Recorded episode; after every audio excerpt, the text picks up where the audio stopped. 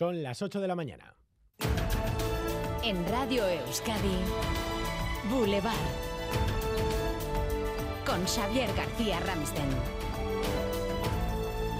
¿Qué tal? Es probable que les haya llegado una foto en la que puede verse juntos a Leo Messi y a Mayalen Lujambio. Parece un montaje, pero no lo es. A los dos astros les pudimos ver juntos hace cuatro años en el estadio de Anoeta. Un mes antes de que ella lograra su segunda chapela, la Real Sociedad quiso homenajearla. Lujambio hizo el saque de honor. El rival de los Turiurdin fue casualmente ese día el Barça de Messi y allí estaban juntos las dos estrellas, los mejores del mundo, cada uno en lo suyo. Ella rimando versos. Egoskorkeriak mantentzen Él rimando el balón. Quería cerrar mi carrera con, con esto, ya no puedo pedir nada, la verdad que, que bueno, que gracias a Dios me dio toda, me dio toda y, y, cerrar mi, casi ya mi carrera, porque ya son los últimos años seguramente, de esta manera es algo impresionante. Leo Messi ha logrado el último gran título que le faltaba, la victoria de Argentina en el Mundial de Qatar. Casi a la vez, Mayalen Lujambio hacía también historia al convertirse en la primera mujer en lograr tres chapelas. Enseguida resumimos la final del Navarra Arena y enseguida también nos iremos a Argentina con Iñaki Aramayo y a Francia con Olat Simón, donde hoy se respira más bien tristeza y decepción.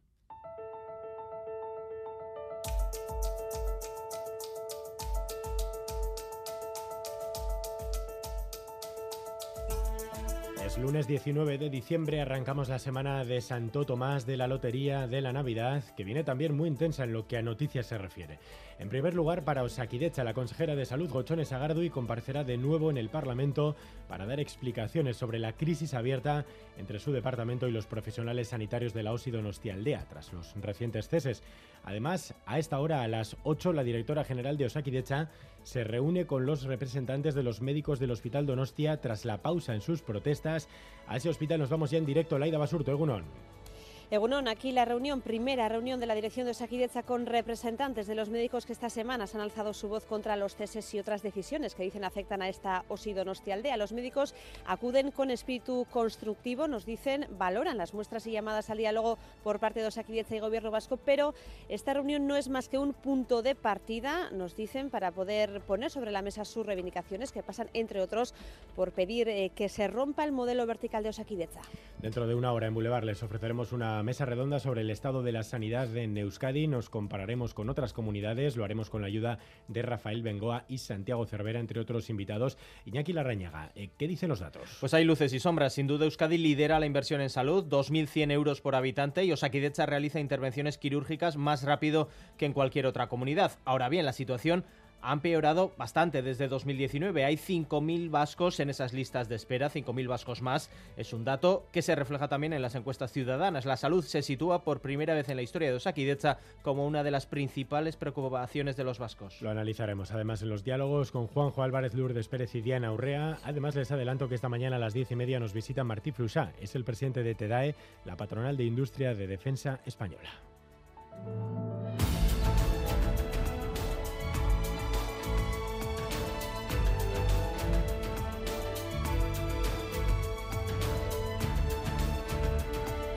Y vamos con otras claves del día que repasamos ya con Leire García. Uno, Leire. Egunon, Xavier. El Tribunal Constitucional celebra hoy el pleno para decidir si admite el recurso del Partido Popular contra la renovación de este tribunal. Y el orden en el que se debatan y voten los recursos de los diferentes partidos podría provocar la suspensión de la votación prevista para el próximo jueves en el Senado sobre la renovación de magistrados y los delitos de sedición y malversación. La Unión Europea llega a un acuerdo para reducir las emisiones de gases de efecto invernadero para finales de esta década. Se ha acordado la reducción de las emisiones en un 55 para el año 2030, comparándolas con la cifra de 1990. Para ello, se van a reducir los derechos de emisión de forma progresiva. Tras la última subida de los tipos de interés, el Euribor va a volver a cotizar hoy cerca del 3%. Y se prevé que se sitúe en el 3,5% durante el primer semestre del próximo año. Esto podría derivar en un incremento de 400 euros de media en las cuotas de las hipotecas. Y en Vizcaya esta semana, el miércoles, se retomarán las reuniones para intentar desencallar el conflicto en el sector del metal. La última oferta de la patronal plantea una subida salarial del 14% hasta 2025. Comisiones Obreras, LAB y UGT lo consideran insuficiente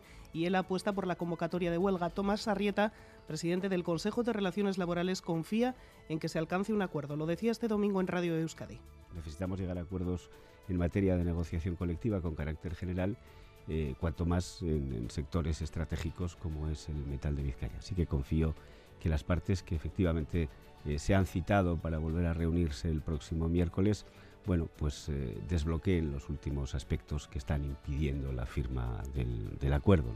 Esa es mi, opinión y sobre todo mi, mi deseo Titulares del deporte, Álvaro Fernández Cadierno, Egunón. Egunón, todavía con los ecos de lo vivido anoche en Qatar, Argentina campeona del mundo tras derrotar en la tanda de penaltis a Francia en una final para la historia que ha encumbrado a Leo Messi como el más grande de todos los tiempos. En casa en segunda, Málaga 1 a la vez 0 y Levante 0 e Ibar 0. Además, victoria de Basconia sobre Fuenlabrada y en balonmano, Superamara Vera Vera se hacía con la Supercopa al ganar por 1 al Málaga. Boulevard. Lural de Bus nos ofrece la información del tiempo. Lural de Bus, a donde vayas, vamos contigo. Seguimos en aviso amarillo por fuertes vientos. Euskalmet, Jonander Arriaga, Egunon. Caixo Egunón, hoy el protagonista va a ser el viento sur, que va a soplar con mucha fuerza durante todo el día, sobre todo en las zonas más expuestas de Vizcaya y de Guipúzcoa, donde las rachas pueden superar los 100 km por hora. Y por otro lado, el cielo se va a mantener nuboso, de nubes medias y altas, que podrían dejarnos algún chaparrón de forma puntual, pero en general hoy no esperamos precipitaciones. Y en el Valle del Ebro se va a formar niebla que dejará un ambiente más gris por allí. En cuanto a las temperaturas, se van a ser parecidas a las de ayer. En la vertiente cantábrica llegaremos hasta unos 15-16 de máxima y rondaremos los 10-12 grados en la mitad sur. Así que hoy el tiempo va a ser en general seco, pero el viento va a soplar con fuerza y va a ser molesto durante todo el día. Temperaturas a esta hora de 16 grados en Donostia y Guetaria, 15 en Lemoiz, 14 en Bilbao y Bayona, 11 en Iruña, 9 en Falces, 7 en Vitoria-Gasteiz. Aupa, Egunon, es estado 15 grados. Hasta Egunon, Rosarcos, 5 grados. Aupa. Egunon, zaila amairu gradu. Egunon, zarautzen gaur amabos gradu.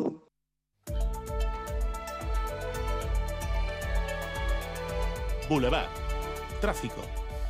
Xavi Segovia, Egunon. Egunon, a esta hora dos puntos con problemas. Según el Departamento Vasco de Seguridad, se pide precaución en la Nacional 634 en Amorebieta, sentido Donostia, por el accidente que han sufrido un camión y un turismo que ha obligado a cortar uno de los carriles. El accidente está ya provocando retenciones. Y también precaución en la AP68 en Zuya, sentido Zaragoza, por la salida de calzada de otro turismo que ocupa el carril izquierdo.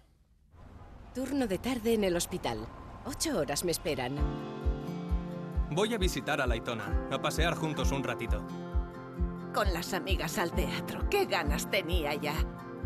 Porque la vida vuelve y el transporte público es vida, en Lural de Bus, donde vayas, vamos contigo. Ayúdanos a mejorar nuestra información con tus comentarios, fotos y vídeos.